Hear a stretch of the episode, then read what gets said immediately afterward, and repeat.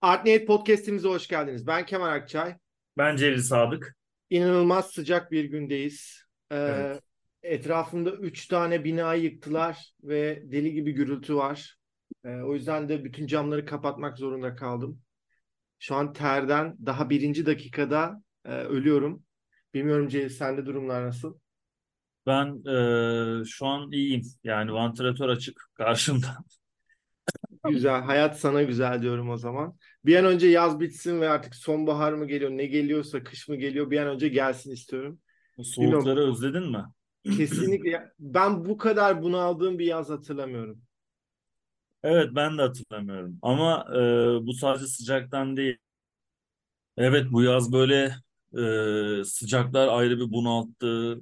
Eee, bir tatsızdı, tuzsuzdu zaten. Böyle bir garipti yani. Herkes eee, gerek ekonomiden gerek başka sebeplerden dolayı bir herkeste bir mod düşüklüğü vardı.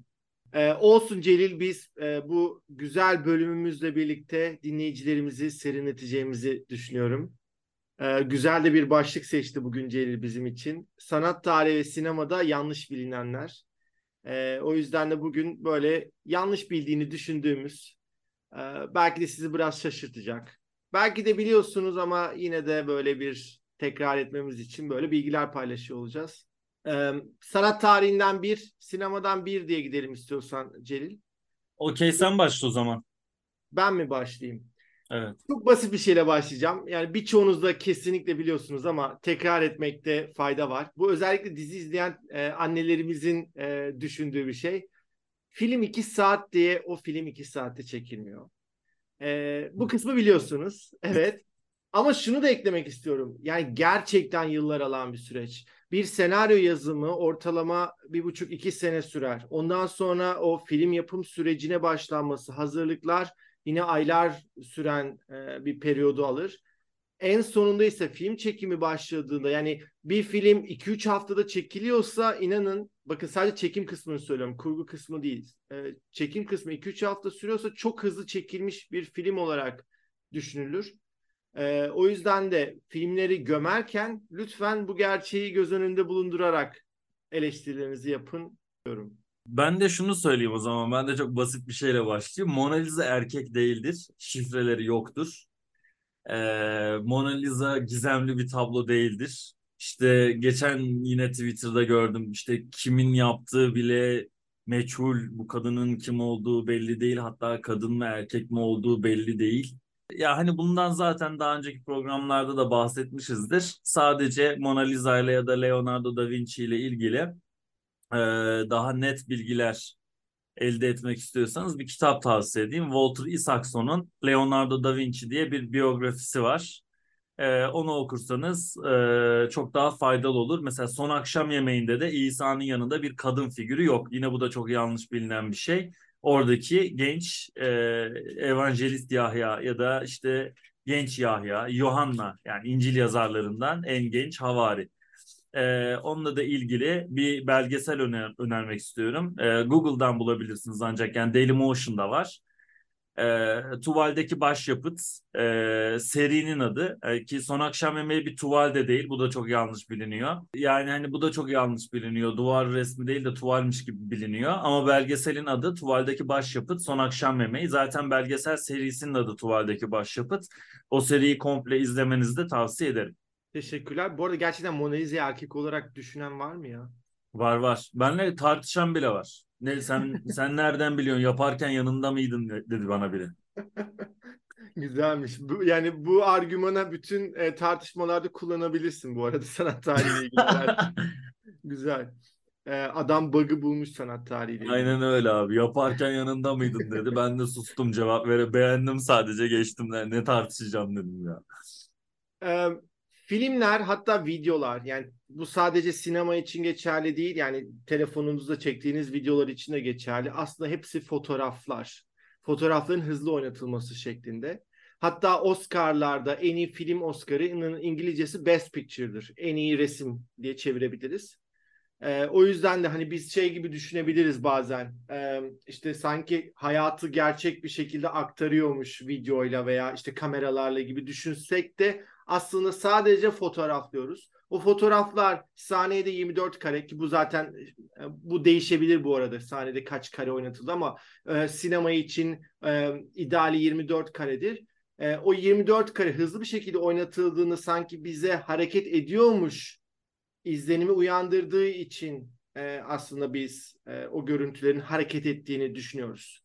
O yüzden de e, aslında biz hayatı bir şekilde kayıt altına alamıyoruz. Sadece fotoğraflıyoruz. Onun hızlı oynatılmasıyla birlikte hareket ediyormuş gibi görüyoruz. Teşekkürler Kemal Bey. Rica ederim. Hatta Çok... bir şey daha ekleyeyim. Bu e, flipbook denir. Hatta biz küçükken de yaparız. İşte e, bir sayfaya bir çöp adam çizersin. Sonraki sayfaya çöp adamın işte kolunu kaldırırken çizersin. Sonra sonra onu hızlıca oynatırsın. Evet. Sinema bu. Anladım. Teşekkürler. Rica ederim. Ne demek? Buyurun sıra sıra. Ee, Buyurun, şimdi efendim bir kere Pardon, bir dakika konuşamadım. Buyurun sıra sizde. Ee, şimdi efendim bu e, Michelangelo ile de ilgili çok yanlış bilinen bir şey var. Ortalıkta geziniyor. E, Adem'e ruhun üflenmesi ya da işte bu Adem'in yaratılışı olarak bilinen Sistina Şapeli fresklerinden yani yine duvar resimlerinden biri tavandaki fresk dizisinin bir e, parçası, merkezinde bulunan parça. E, bu yüksek Rönesans değildir efendim. Öncelikle onu söyleyeyim. O bir manierist eserdir. E, Rönesans'ın gerçekliğinden e, nasibini almamıştır. Soyuttur. Metafizikseldir. E, her şeyin uçuştuğu, renk cümbüşünün olduğu, ışık cümbüşünün olduğu bir resimdir ki bunlar zaten Rönesans resim tekniğinin kuralları değil. Ee, bu birincisi. ikincisi de Michelangelo inançsız biri değildi. Michelangelo ateist biri değildi. Michelangelo orada bir beyin resmedip de inancın sadece beyinle alakalı bir şey olduğunu ima etmedi hiçbir akademik çalışmada da böyle bir şey yazmaz zaten ya da hiçbir sanat bunların argümanları da genellikle day dayanaksızdır. Yani böyle işte tezler falan görürsünüz. İşte ben zamanında bunu yazdığım zaman biri bana tez atmıştı. Tez de hani teori yani anladın mı? Böyle bir şeye dayanmıyor. Birisi delinin biri kuyuya bir taş atmış. İşte Michelangelo inançsızmış falan. Michelangelo çok inançlıydı abi. Sakalını yıkamıyordu herif inancı yüzünden. Ve bütün dönem kaynakları der ki şu herifin kokusu yüzünden yanına yaklaşamıyoruz. Hatta Leonardo da Vinci bile e, şeyde söyler yani notlarında heykeltıraşların ne kadar pis koktuğunu söylerken aslında Michelangelo'ya dokundurur. E, çok inançlıdır. Hayatında böyle sürekli İncil, Tevrat ve ilahi komedi okuyan bir adam. Yani öyle e, işte Tanrı'nın sadece beynimizde bir şey olduğunu, inancın sadece akılla ilgili olduğunu e, savunacak bir insan değil. E, dediğim gibi çok çok inançlı. Bu yüzden para harcamayan, içki içmeyen, hatta hayatını sadece dine ve sanatına adayan bir insan kendisi. E, bu anlamda e, yine Adem'in ruhun üflenmesiyle ilgili ya da Michelangelo ile ilgili daha güvenilir bilgiler istiyorsanız da mesela hani biraz daha okuması keyifli, sanat tarihçisi için değil genel okur kitlesi için tavsiye edebileceğim Bruno Nardini'nin Bir Dahinin Yaşam Öyküsü Michelangelo adlı kitabı keyifli okuyabilirsiniz. Akar gider roman gibi. Güzel, çok güzel referanslar veriyorsun. Aslında yakın bir zamanda da bir e, kitap önerisi, sanat tarihi ve sinemada kitap önerisi bölümünde çekelim artık. Çekelim. Geldi sanki. Evet. Sen şimdi genelde böyle sanat eserleri ve sanatçılardan e, gidiyorsun. Ben daha çok teknik kısmıyla e, başlamıştım. Şimdi ben de bir filmden o zaman bir örnek vereyim. Baba filmi. Baba filminde e, ekranda birisi öldüğü zaman o sahnede bir portakal görünür. E, bunun da bir sembolik anlatısı olduğuyla ilgili böyle bir özellikle film analizi yapan insanların yorumu vardır. Aslında bu çok doğru değil. E, şimdi filmin görüntü yönetmeni e, Baba filminde hatırlarsanız çok karanlık bir şekilde e, filmi tasarlar. E, bu noktada da sanat yönetmeni hani bu çok karanlık olma durumunu biraz daha renklendirmek için sahneye böyle renkli meyveler koyar. Portakal da bu anlamda hani o turuncu ki e, film hatırlarsanız böyle sarı turuncu renklerinde ağırlıklı olduğunu görürsünüz. E, o yüzden de yerleştiriyor. Şimdi filmin her sahnesinde birileri öldüğü için de böyle bir eşleşme olmuş. Ama e, filmin bu kullanımı o kadar etkili oluyor ki daha sonrasında başka filmler aslında sanat tarihi veya mitler tarihinde hiçbir böyle bir portakalın anlamı olmamasına rağmen portakalı ölümle eşleştirmeye başlıyorlar. Bu anlamda da ilginçtir. Yani normalde portakalın hiçbir şekilde ölümü çağrıştıran, hani düşündüğümüzde de canlı, sulu, e, turuncu renkte bir meyvedir aslında. E, o yüzden de e, filmin bu başarılı yani sinema tarihine geçmiş filmin e, sembolizme de böyle bir katkısı olmuş. Ama dediğimiz gibi yani bu bilinçli bir şekilde konulan bir e, obje değil filme. Anladım. Teşekkürler e, Kemal Bey. Bugün çok kibarız. Buyurunuz. Bugün şey ya hani e, tam bir e, şey programı oldu. Hani diyorlar diye bize bilgi, bilgi vermiyorsunuz. Tamamen bilgiye dayalı bir TRT programı tadında gidiyor şu an. Eski TRT ama böyle 90'lar TRT ikisiyiz şu anda biz. Kesinlikle katılıyorum Celil Bey. Buyurunuz. Ee, Sayın Akçay şimdi e, şöyle ben devam edeyim. Mesela sanatçıların kimlikleriyle ilgili bilgiler var. İşte böyle e, mesela Gauguin güzellemeleri vardır. Gauguin güzellemelerinin yanı sıra bunlar sanat tarihinde hani yanlış bilinenler değil biraz da bilinmeyenler gibi bir şey aslında bu. E, işte Gauguin için ya da Sezan için işte sanat tarihinin e, özellikle modern sanatın öncüleri gibi e, söylenir ama aslında modern sanatın kapılarını kıran, açan daha doğrusu Manet'dir. Manet'in Kırdı Emek ve Olimpiya tablosu. E, onun dışında bu ressamlarla ilgili işte Gauguin'in daha önceki bölümlerde söylemişizdir. İşte e, Gauguin çok güzellenir, çok paylaşılır. İşte ay Gauguin, canım Gauguin böyle paylaşılır ama şunu da bilmesi gerektiğini düşünüyorum dinleyicilerimizin. E, Fransa'da e, Polenzia bölgesinin yani Tahiti bölgesinin sömürge haline getirilmesinden sonra e, Gauguin'in gidip de Tahiti'de işte Fransa hükümeti orada bir yasa getiriyor. 12 yaşındaki kız çocuklarıyla evlenebilirsiniz gibi. Fransız erkekleri gitsin de orada biraz asimile edelim diye. Gauguin de gidiyor orada 12 yaşında bir kız çocuğuyla evleniyor. Ee, bu da hani Gauguin'le ilgili yanlış bilinenler ya da bilinmeyenlerdir. Çok sanat tarihi kitaplarında bulamayacağınız bir şey. Genelde hani çünkü resimlerini anlatıp geçmek üzerinedir. Ama Gauguin'in resimlerinin çoğunda gördünüz e, şey o küçük e, Tahitili kız çocukları ya da ço- çocuğu resmi aslında eşini resmettiği resimler. Bu anlamda gerçekten korkutucu.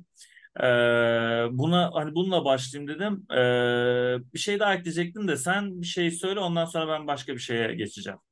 Tamam o zaman küçük bir şey söyleyeyim. Yine teknik bir e, konu. E, çok öğrendiğim zaman çok şaşırmıştım. Aslında biliyordum da hani hiç onun detayını düşünmemiştim. E, şu an özellikle bir film çekimi, bir kamera arkasını izlediyseniz yönetmenler monitörün başındadır. Yani bir kameraman vardır, görüntü yönetmeni vardır. E, o anki sahneyi çekerler e, bir monitöre bağlıdır bu çekilen görüntüler ve yönetmen oradan olanları izler. Oldu olmadı der. Dijital teknoloji ortaya çıkmadan önce böyle bir monitör yoktu. Çünkü analogtu her şey ve yönetmenler aslında çekilen şeyleri görmüyorlardı. Ee, bu şu açıdan çok önemli. Eski yönetmenlerin aslında ne kadar da olaya hakim olduğunu, yani bütün o çekilenleri anlık görmeden e, nasıl hayata geç bu kadar e, başyapıtlar çıkartabildiğini öğrenmek açısından gerçekten de büyük bir sürpriz. Resmen yani kör bir şekilde filmi çekiyorlarmış. Tabii ki sahneyi çekmeden önce yönetmenler de vizörden, kameranın vizöründen ekrana kompozisyona bakıyorlar ama o anki o detayları ancak filmi e, şey yaptıktan sonra e, yıkadıktan sonra e, belki birkaç gün sonra hatta eğer bütçeniz düşükse birkaç ay sonra görme şansına erişiyorsunuz. E, o yüzden de gerçekten de e, bugünkü özellikle genç yönetmenler için kabus gibi bir gerçek olduğunu söyleyebiliriz. Ee, çok teşekkürler Kemal Akçay değerli bilgiler için. Ee, şimdi ben de şeyle devam edeyim abi. Bu sanat konusuyla ilgili işte sanat nedir? Aslında biz daha önce böyle bir bölüm yaptık ee, ama yine bir hatırlatma yapalım. Sanat güzel demek değil. Ee, sanatla estetik çok yanlış bilinen ve çok karıştırılan bir şey. Bir şeye güzelleme yaptığımız zaman işte sanat eseri gibi dememiz aslında yanlış ifade etmemiz e, durumu oluyor. Ee, o, zaten biz sanat nedir gibi bir podcast kaydetmiştik galiba. Bununla ilgili detaylı bilgi almak istiyorsanız hani o bölümü de dinleyebilirsiniz. Bir ee, de burada da araya giriyorum. 19 Eylül'de Celil ile birlikte Sanat Nedir e, isimli bir seminer düzenliyor olacağız. Evet. Köprü Atölye'nin sayfasından hem de sanat tarihi ve filmin anatomisi sayfalarından e, gelişmeleri takip edebilirsiniz. Eğer katılmak isterseniz kaydolabilirsiniz. Bu sanat nedir hem sinema hem de sanat tarihi açısından irdeleyeceğiz ve bununla ilgili bir sürü e, hikayeyi paylaşıyor olacağız. Çok fazla örnekle. E, özel Online olacak bu arada. Online olacak ama bunu ileride hani e, yüz yüze de yapmayı planlıyoruz. Evet. Bunun e, bunun duyurusunu da şimdiden yapmış olalım. Yani hani o anlamda o seminere gelin orada konuşuruz ya. Hani ee, ya dediğim gibi sanat eşittir güzellik demek değil. Ee, estetik başka, sanat başka şey. Yoksa neden böyle e, Rembrandtlar, Goyalar, Caravaggio'lar, işte e, Marcel Duchamp'lar bunlar bunların yaptıkları ya da işte çirkinliğin tarihi gibi şeyleri de okuyabilirsiniz. Onların yaptığı resimlere bakabilirsiniz, çalışmalara bakabilirsiniz. E, burada biraz onlar e, hayatın çirkin yönünü de e, yansıtmaya çalışırlar. Ya ben de hani bunu söylemiş olayım. Sadece bu sanat güzel üzerinden gidin. Şimdi bu Celil'in son söylediği sinema için de geçerli. Hani aynen e, taşıyabiliriz. Bunu da özellikle belirteyim. Şimdi son zamanlarda çok sık duyduğumuz bir şey var. Sinema ölüyor mu? Özellikle bu işte e, platformlarla e, birlikte işte Netflix gibi Netflix, Disney Plus gibi platformlarla birlikte e, sinemanın öleceğine dair e, bazı yorumlar var. Şimdi burada şunu düzeltmek istiyorum. Sinema kolay kolay ölmez. Yani muhtemelen e, bu podcast'i dinleyen kimse sinemanın öldüğünü görmeyecek. E, çünkü sinema başka bir şey, sinema salonları başka bir şey. Orada kastedilen sinema sinema salonları. Sinema salonları ölebilir mi? Evet, ölme şansı var ki za- zaten e, geçmiş dönemlerle karşılaştırıldığını özellikle bu tartışma televizyon ilk ortaya çıktığında daha doğrusu televizyon yaygınlaşmaya başladığında da e, çok fazla yapılan bir tartışmaymış. Tabii ki o dönemler biz yaşamıyorduk onu ancak. Ee, bunun için de e, Yılmaz Erdoğan'ın e, yazdığı Vizon Tele'yi tavsiye ederiz. Gibi aynen aslında Vizon Tele'de çok güzel örnek verdi. Hani Vizon Tele de yine aynı şekilde o konuyu işler. E, Sinema bu arada hatta şöyle bir etkisi de olmuştur Türk sinemasına. 90'larda mesela 1994 veya 95 yılında Türkiye'de çekilen uzun metraj film sayısı 4 veya 5'ti.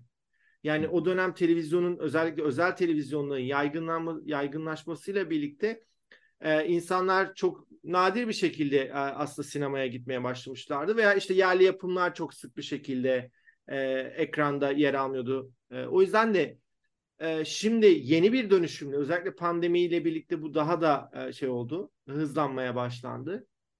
E, sinema salonlarının ölmesi demeyelim ama o eski şaşasını kaybedeceğini rahatlıkla söyleyebiliriz. Belki ileride bir zamanda da sinema salonlarının öldüğünü görebiliriz.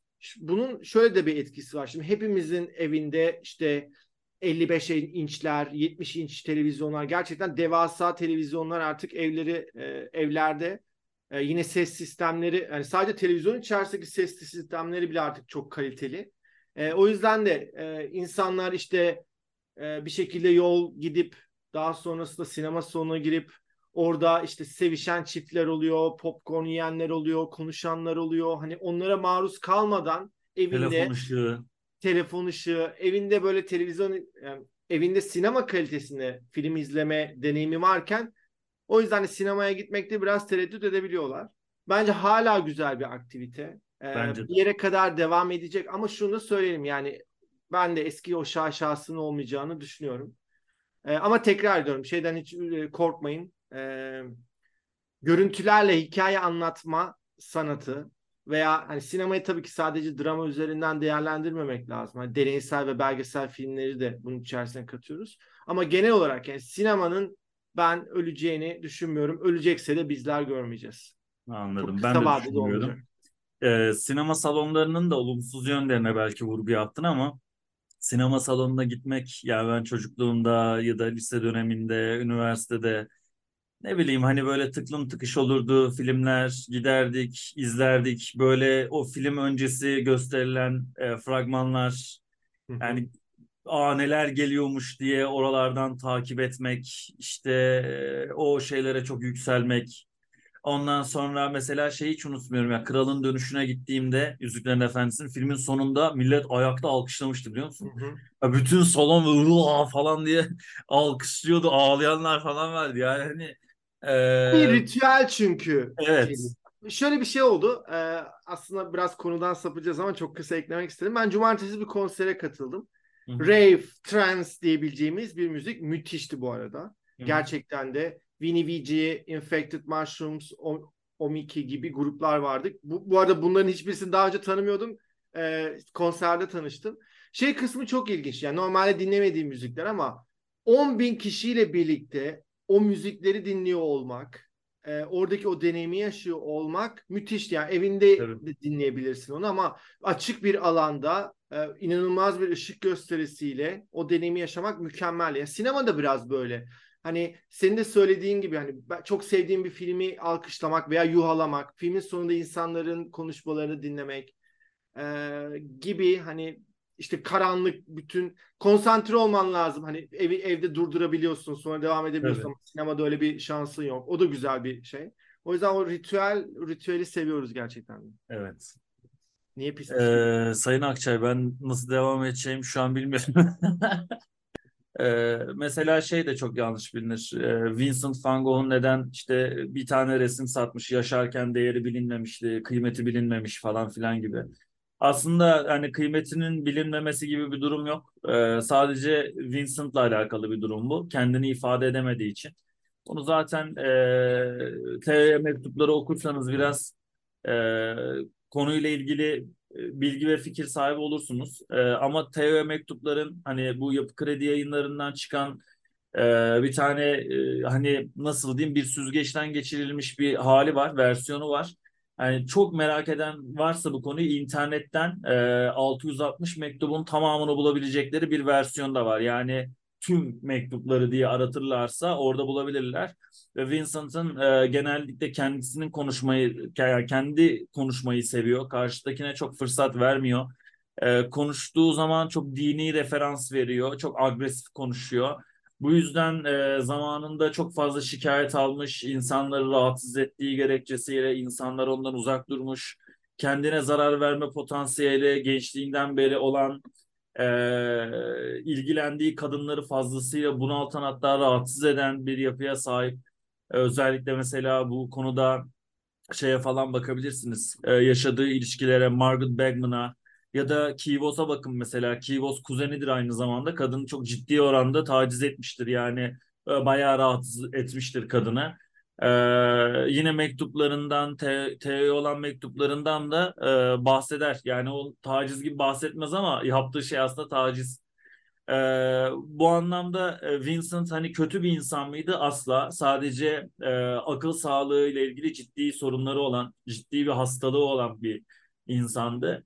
E, akıl sağlığı onun insan iletişimini etkiliyordu doğal olarak ve hatta kendini resim yaparak ifade edebilen bir insana dönüşüyor 27 yaşından sonra. O zamana kadar da din adamı olmak istiyor. Aşırı dindar, dindardır Vincent. Bu da çok bilinmez. Tek hayali rahip olmaktır. Rahip olamadığı için aslında ressam olur. Kendini resimle ifade etmeye çalışır. Ee, acayip yani babası rahip, büyük babası rahip, e, haya- hayalindeki tek şey rahip olmak. Hayattaki tek emeli bu. Ee, ve bunu yaparken de fakir insanların hayatlarını ele almak istiyor aslında. Maden işçileri, köylüler, tarlada çalışanlar, Hollanda'nın, Belçika'nın ya da İngiltere'nin taşra bölgelerinde yaşayan çok e, yiyecek ekmek bulamayan insanların hayatlarını anlatmaya çalışıyor vaazlarında. Ancak vaazları çok agresif olduğu için ve insanları yine o fakir insanları rahatsız ettiği için insanlar şikayet dilekçesi yazıp kiliseye gönderiyorlar. Kilise bir müfettiş gönderiyor ve Vincent van Gogh'un e, bir vaazını dinleyen ki o zaman serbest vaiz oluyor babasının torpiliyle Vincent. E, çünkü e, Brüksel e, şey pardon Amsterdam Üniversitesi teoloji bölümüne sapkın fikirleri var diye alınmıyor bu arada damgalanıyor ve serbest vaizlik belgesi alıyor. Serbest vaizlik belgesi aldıktan sonra da bir müfettiş gidip vaazını dinliyor ve diyor ki bu Vincent van Gogh denilen herif hiçbir yerde hiçbir zaman dinle ilgili konuşmamalı diyor. Ve serbest vaizlik belgesi de elinden alınan Vincent ondan sonra resim yapmaya başlıyor. Ve ilk yaptığı resimlere de yine bakarsanız köylü karakter çalışmaları yine maden işçilerine, nalınları, dokumacıları, balıkçıları, e, tarlada çalışan köylüleri, işçileri bunları resmeler aslında. Yine onların ağır ve kasvetli iş e, koşullarını, yaşantılarını ele almaya çalışır. E, ve bu anlamda da hakikaten ekspresyonizme falan kapı açan, ilham olan bir ressamdır. Sadece kendini ifade edemez. Yani Picasso hep şey derim ben. Picasso Dali kadar ağzı laf yapsaydı e, kendi reklamını yapıp kendi sanatını pazarlayabilseydi zaten döneminin en güçlü ressamlarından biri kesinlikle olurdu. E, sadece kendini ifade edemediği için bir resim sattı. O öldükten sonra da e, bir sene sonra Theo ölür. Theo bir sanat simsarıdır. Yani aslında resim satmaktır işi. Şimdi onun eşi de e, düşünsenize yani Theo'nun e, eşi e, yapayalnız kalıyor hayatta. Eşiniz sanat simsarı. Elinizde e, yüzlerce Vincent resmi var ve elinizde 660 tane Vincent mektubu var. Kadın bu mektupların hepsini okuyor. Daha sonra gidiyor resimleri galerilerde satmaya başlıyor. Çocuğu bayağı komşuya bırakmış kadın. Çıkmış kapı kapı gezmiş. Yani e, resimleri satayım da para kazanayım diye. Ve çok kısa bir süre içinde Vincent'ın bütün hayatı boyunca başaramadığı şeyi başarıp Vincent Avrupa'nın en ünlü ressamı yapmış bu kadın. Yani düşün e, evini geçindirmek için kocasının kocasından öğrendikleriyle e, tek başına kalınca böyle bir işe kalkışıyor ve Vincent bir anda çok ünleniyor. Yani biraz pazarlamaktaydı iş. O yüzden ya yoksa anlaşılamadı gibi bir durum yok. Anlaşılmak istenmedi. Muhatap almadılar yani öyle söyleyeyim. Buradan çıkartacağımız ders pezevengin iyi olacak. evet. Bunu koymayacağım. Bunu koymayacağım. TRT 2 konseptinde gidiyoruz diyorsun. Teşekkürler bu bilgiler için Celil Bey. Ee, şimdi ben sinemanın doğuşuyla devam etmek istiyorum izninizle. Tabii. Ee, bildiğiniz üzere sinema 1895 yılında Lumière kardeşler tarafından icat edildiği düşünülür. Ee, ama aslında Lumière kardeşin icat ettiği şey e, filmleri toplu bir e, gruba e, projeksiyon vasıtasıyla perdeye yansıtmayı icat etmiştir. Da, daha öncesinde e, Edison'un kinetoskop diye bir e, aslında icadı vardır. E, bunun e, sinemadan farkı, Lumière kardeşlerin icat ettiği e, cihazdan farkı tek kişiye gösteriliyor olması. Tek kişiye gösterildiği için de tabii ki feasible, e, feasible değil bu açıdan. E, yani para kazanması çok daha zor. E, o yüzden de 1899 yılında Edison bunu tek kişiye göstermek üzerinden icat ediyor. E, ama Lumière kardeşler toplu olarak e, gösterilebilecek formata getiriliyor. Ve Lumière kardeşler eğer icat etmeseydi şu an ismini hatırlamıyorum ama Almanya'da bir iki ay sonra Almanya'da başka bir mucit bunu icat edecekti. Yani o dönemler sadece Lumière kardeşler değil e, birçok böyle e, mühendis veya bu konuyla ilgilenen insan aslında bu çalışmaları yapıyorlardı. İlginç olan şey ise şu bundan sonraki süreçte. Şimdi e, Fransa'da doğuyor sinema. Biraz önce söylediğim gibi Almanya var, İngiltere var, Amerika var. E, hatta biraz İtalya'yı da sayabiliriz. Sovyetler var. Şimdi bu ülkeler çok dominantlar. E, ama 1960'lara kadar e, belki Japonya'yı da bir kenara koyarsak e, sinema diğer ülkeler için yok gibi bir şey. Evet o ülkelerde de filmler çekiliyor. Sinema hem pahalı cihazlarla çekilen bir sanat olduğu için hem de önemli bir eğitime ihtiyaç duyulduğu için Üçüncü dünya ülkeleri ancak 1960'larla birlikte e, filmler, gerçek anlamda nitelikli filmler üretmeye başlıyorlar. O yüzden Üçüncü Dünya sineması aslında başlangıcı çok da e, eski değil. E, daha sonrasında da gerçekten e, bu ülkelerden, biz de bu arada bu ülkelere dahiliz. Önemli filmler ortaya çıkıyor. Mesela biz Türk sinemasını düşündüğümüz zaman 60'lar öncesinden çok az filmi biliyoruz. Yani şey diyebilirsiniz, aa onlar çok eski ama 1950'lerden, 40'lardan e, Avrupa sinemasından, e, Amerikan sinemasından çok önemli filmler hala izlenebilir durumda. E, o yüzden de e, şu anda da özellikle film çekim e, aygıtlarının çok ucuzlamasıyla birlikte bu ülkelerden de en az Hollywood prodüksiyonlarıyla yarışacak filmler e, çıkmaya başlıyor. Hatta ve hatta ben e, belki bir 10 yıl sonra, 20 yıl sonra e, Hollywood'la başa baş olacaklarını düşünüyorum. Ama Hollywood'un maalesef işte Amerikan kapitalizminin de getirdiği, o şir büyük şirketlerin de getirdiği güçle birlikte dağıtım gücü var. Yani her yere filminizi sokabiliyor. E, bunun işte sadece işte sinemayla değil hani diğer politik kısmıyla da bağlantısı var. E, o yüzden biraz hala Amerika ile yarışmak zor ama e, kağıt üstünde hani nitelik olarak e, bence hatta Amerika geçilmek üzere gibi düşünüyorum ben. Parazit mesela o yüzden çok önemli, çok sembolik bir filmdir. Çünkü ilk defa yabancı bir film Amerikan filmlerini ödüllendirmek için kurulmuş Oscar'da en iyi film Oscar'ını kazanmıştır. Ee, o yüzden de bundan sonra bu tarz filmlerle çok daha fazla karşılaşacağımızı düşünüyorum. Evet. Teşekkürler bu değerli bilgiler için. Ne demek? Artık yani belli başlı şeyleri söyledik. Bu bunun ikincisi de çekilir bu arada. Yani ilerleyen e, zamanlarda daha detaylı da girebiliriz. Kesinlikle. Ben çok keyif aldım sizinle bu programı yapmaktan Celil Bey. Ben de sizin de Evet. Kemal Bey. Bence bu dilimizi de artık buna doğru evirsek çok daha makbule geçermiş gibi hissediyorum. Ben e, son dönemde izlediğiniz bir film var mı? E, tavsiyeniz var mı? Onu merak ediyorum. Son dönemi geçtim. Ee, yarım saat önce izlediğim bir film var. Hatta bak Tabii. bununla ilgili e, şey yapabilirim. The Wind Will Carry Us. Rüzgar bizi sürükleyecek. Abbas Kiarostami filmi. Bu filmin şöyle bir özelliği var. Benim izleme amacım da biraz oydu. Ee, bir zamanlar Anadolu'nun o meşhur elma sahnesi var ya. Bu filmden esinlenildiği düşünülür. Ve filmi izledikten sonra şunu gördüm. Sadece bu sahne değil. Filmin başında hani böyle o şeyler olur ya. Bizimkiler arabanın içerisinde muhabbet ediyordur. Uzaktan çekilir. Sadece Evet. biz duyarız.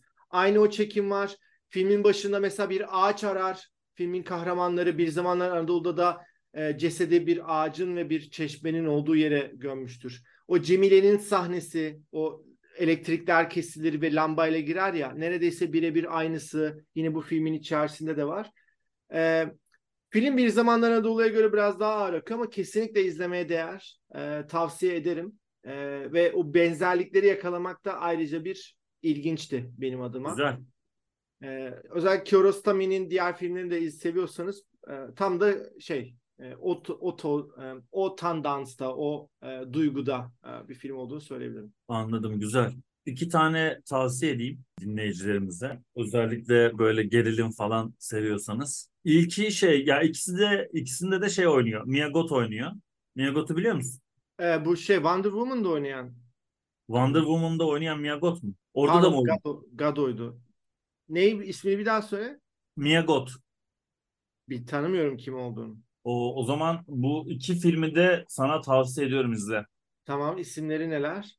İlki Pearl. Hı hı. Ee, Mia Goth'un zaten tek başına alıp götürdüğü bir film. Acayip bir performans bence. Film de çok şey bir film yani hani böyle çok bir şey söylemeyeyim filmle ilgili. Sadece tavsiye edeyim. Bence zaten sırf o performans için bile izlenir. Aa İkinci- Nymphomaniac'ta oynayan kadın. Tamam. Orada da oynuyor mu? Nymphomaniac'ta oynuyor. Nymphomaniac'da gençliğini oynayan kız o mu? O o Infinity Pool'da da geçen e, İstanbul Film Festivali'ne gelmiş. İzlememiştim ama orada da oynuyormuş. Ha tamam. İkincisi de e, zaten Infinity Pool'du. Hı. izlemenizi e, tavsiye edeceğim film. Dün izledim ben de Infinity Pool'u. Daha önce Pearl'ü izlemiştim. Hı hı. Ee, işte e, şeyle Alexander Skarsgård'la oynuyormuş. Ya işte e, şey oldu. Biz Pearl'de Pearl'ü izlemiştik. E, şu anda çok beğenmiştik şeyi. Mia Goth'u orada. Sonra dün işte şeye baktık. Infinity Pool'a baktık. Şimdi ben orada Mia Goth'u görünce e, tabii şey yaptım hani Pearl'deki kız deyince aa izleyelim oldu. Tabii bir baktım partneri Eyşan'ın neden izlediğini izlemek istediğini anladım. Partneri şeymiş Alexander Skarsgård. Hı. dedim tamam bu yüzden izlenmek istiyor bu film. Ama hakikaten ikisinin de performansı, film yani film de çok iyi. Ben çok beğendim. Yani Infinity Pool'u daha çok beğendim tabii. Ama Pearl sadece bir Goth performansı olarak e, çok tavsiye edebileceğim bir film. Ee, teşekkürler. Bu arada Infinity Pool'da David Cronenberg'in oğlunun filmi. Ee, o bilgiyi de ekleyeyim. Bu arada geçen hafta bir soru sormuştuk. Michael Caine'in Christopher Nolan'la e, birlikte çektiği kaç fiziksel film vardı? Bakın fiziksel kısmı çok önemli. Ee, sağ olun bu sefer gerçekten çok fazla cevap geldi. Yani çok fazla dediğim 6-7 tane geldi. Heh. Genelde 8 denmiş. Tabii hemen Google'a yazılmış. 8 bulunmuş. Sadece bir kişi 6 dedi. Onu nereden aldığı çıkarttı bilmiyorum. Şimdi cevap 7. Yani şu ana kadar kimse e, vermedi ama biz bunu yayınlayana kadar ben hala cevapları almaya devam edeceğim. Belki de 7 diyen çıkar. 7 olmasının sebebi şu Dunkirk'te sadece sesini duyuyoruz. E ben sana geçen hafta 7 yaptım böyle. Tamam doğru demişsin demek ki. Ay kafa salladın bana hayır diye. Bir tane atölyeme e, katılabilirsiniz Celil Tamam Bey. teşekkür ediyorum. Ee, işte her neyse. O an şey çünkü 8 mi 7 miydi ben de hatırlamıyordum. Bir de 1 çıkartacağım ya. Benim me- meselem şeydi. O 1 çıkartmaktı. Hani biraz ters köşe bir soruydu. O yüzden de hani şey yapamadım. Ama sen yanlış saydın onu da söyleyeyim. Bir tane İlk- film- İlk başta ilk başta bir tane yanlış cevap verdim. 6 dedim. Sonra 7'ye çıkarttım. Zaten e, Dark Knight trilojiyi komple sayman lazım. Tamam, Prestige üç. var. 3, Tamam, üç. 4, E, Prestige e, 4. Ondan sonra e, Tenet de 5. E, Interstellar Inception 6, 6. Interstellar 7. Inception'da yok. Nerede yok? Inception'da. Inception'da nasıl yok ya? Inception'da var. Var var 7. Inception'da var 7. Tamam bu kadar işte. Dunkirk 8. Ha Dunkirk'te fiziksel olarak bulunmuyor işte abi. Tamam, okey. Inception'da da çok az sahnesi var aslında. İşte Doğru, böyle doğru, doğru. Bir derslikte hatırlıyorum çünkü böyle DiCaprio derslikte oturuyor falan oradan ders anlatırken kesişiyorlar. Hatırlıyorum bunları. Aynen öyle. E o zaman sorunu alıp öyle kapatalım. Ee, hiç de düşünmedim soru ama e, basit olsun diye konuştuk. Basit olmasın. Basit olmasın çünkü şey insanlar Google'dan bakmasın. Anladım. Basit olmasın, insanlar Google'dan bakmasın. Ee, o zaman şey söyleyeyim. Empresyonizmde eee empresyonizmin babası lakaplı. Bakın empresyonizmin öncüsü demiyorum. Empresyonizmin babası lakaplı ressam kimdir? Güzel. Ben bilmiyorum cevabı. E, ben benim de aklıma şey sorusu sordu. Mona Lisa'nın cinsiyeti nedir diye sorabilir miyim mesela? Bir tane daha sorayım. Hadi o çok zor olduysa. Leonardo da Vinci'nin bilinen kaç resmi var? Hangi, Google'da soru- karışık. ha- hangi soruyu seçiyorsun? Birini sor- sorman lazım. İyi hadi empresyonizmi sorayım. Çünkü Google'larlar diğerini bilirler abi hemen. Aynen aynen. Em, peki ilkini Google'layamazlar mı? Bu sıfatı Ya sen bir yanlış verdin? şeyler çıkabilir. Anladım. O biraz tuzak bir soru çünkü. O zaman Leonardo'nun ce- cevabını ver bari. İnsanlar merak etmesin. Google'lama. Bilinen 28, günümüze ulaşan 23. Vay. Bayağı azmış. Aynen. Pek Şeyin üretken. 200 falan mıydı Van Gogh'un? Van Gogh'un 2000. 2000. Tamam. İkili bir şey olduğunu hatırlıyorum ama. Günde Dedim 200 2000 olmaz herhalde. Ama yani Vincent e, resim üstünde Leonardo kadar uğraşmıyor ki. Leonardo resimde aman neler bulayım yeni diye uğraşıyor. Yani. Mona Lisa'yı yapıyor. 6 yılda bir yapıyor. Sonra 3 yıl bir daha çalışıyor üstüne falan. diye. Çok uzun takılıyor resimlerin üstünde. Son akşam yemeğini yapması neredeyse 5 yıl sürüyor falan. Yani o yüzden. Güzel. Çok teşekkür ederiz e, Celil Bey. E, değerli Ben de çok teşekkür ederim. Çok değerli bir program oldu sizlerle burada. Ee, yeniden buluşmak çok güzeldi Kemal Bey. Bil mukabele. Bu kelimeyi kullanmak için çok bekledim ve nihayet Bu, bu programda hiç bir mukabele denmemiştir. evet o yüzden de çok e, kolladım ve nihayet bunu kullanabileceğim bir yer geldi. Şey çok kullanılıyor ya ben ona alameti farikası. O da yanlış kullanılıyor galiba. Yani ben e, yanlış kullanmasa bana böyle bir iğreti geliyor. Bir, birisi o bir kullanmaya başladı. Bak bu son 3-4 senedir var ha. Ondan önce ben hiçbir program... Abi bütün YouTube kanallarında falan herkes böyle geziyor. Ben anlamadım. Bir de uzun ya hani normal bir şey kısaltırsın veya daha iyi anlayabileceğin. Bu daha da uzatan bir şey. Ya bir de bazen çok boş cümleler içinde kullanıyorlar tamam mı? Hani orada şey gibi geliyor insana. Yani hani bak ben ne kadar güzel konuşabiliyorum. Ee, ne kelimeler var bende. Peki Celil o zaman e, dinleyicilerimize şu öneride bulunman lazım. Alameti farika yerine ne kullanmalılar? Onu söyleyeceksin ki insanlar kullanmasın. Anladım. Bu, bunu ben mi söyleyeyim şimdi? Evet bir zahmet. Ya ben bunu söylerken mesela eee, bu kişi mesela Christopher Nolan'ın eee, en iyi yönü diyebilirim. Ya Değil da mi? Christopher Nolan sinemasının eee, en öne çıkan özelliği diyebilirim. Hani çok basitçe ifade edebilirim aslında da daha bunun türevlerini söyleyebilirsin yani. Evet. Güzelce şey Ee, söylersin. Celil Bey'in belirttiği gibi kullanırsanız çok müteşekkir kalırız. Müteşekkiri Canım, doğru hani kullandım mı emin değilim yerde. Bazen işte hiç böyle o, o anlamada gelmeyen ya mesela cümlenin yapısı ya da devamıyla örtüşmeyen yerde söyleniyor ama böyle bir şey oluyor böyle gözüme çok şey gibi sıkıntı yok gibi olmaya başladı. Aynen sıkıntı yok. Ee, ayneni şey yapar mısın? Sinirlenir misin? Sevmem. Ee, sıkıntı yoku da sevmem. Sıkıntı yok da çok Ya, batar. sıkıntı yok tamam da. Ee, Ee, bilmiyorum sıkıntı yok da şey yapıyor. A- aynen sevmem ama bazen kullanırım. Ya insanın ihtiyacı oluyor. kullanıyoruz ya. Alameti farika bu arada ayırıcı nitelik, ayırıcı özellik demekmiş. Evet. Buradan da Diğerlerinden tebrik- ayıran işte hani Christopher Nolan sinemasını diğerlerinden ayıran özellik şu gibi. Evet. Evet. Bugün e, gerçekten çok şey program oluyor. O zaman çok teşekkür ediyoruz. Gerçekten e, sizinle bir e, atölye yapmak benim için bir şeref Celil Bey. Benim için de bir onur. Umarım umarım gelecek programlarda tekrardan e, Rabbim yo o başka bir şey.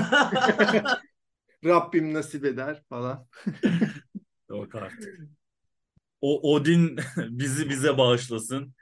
Ee, o zaman artık kapatalım mı? Sıcaktan iyice Kapatalım. Aynen aynen ben bayıldım şu anda. Çok teşekkür ediyoruz biz dinlediğiniz için. Haftaya yine bir bölümde görüşmek dileğiyle. Görüşmek üzere. Hoşçakalın.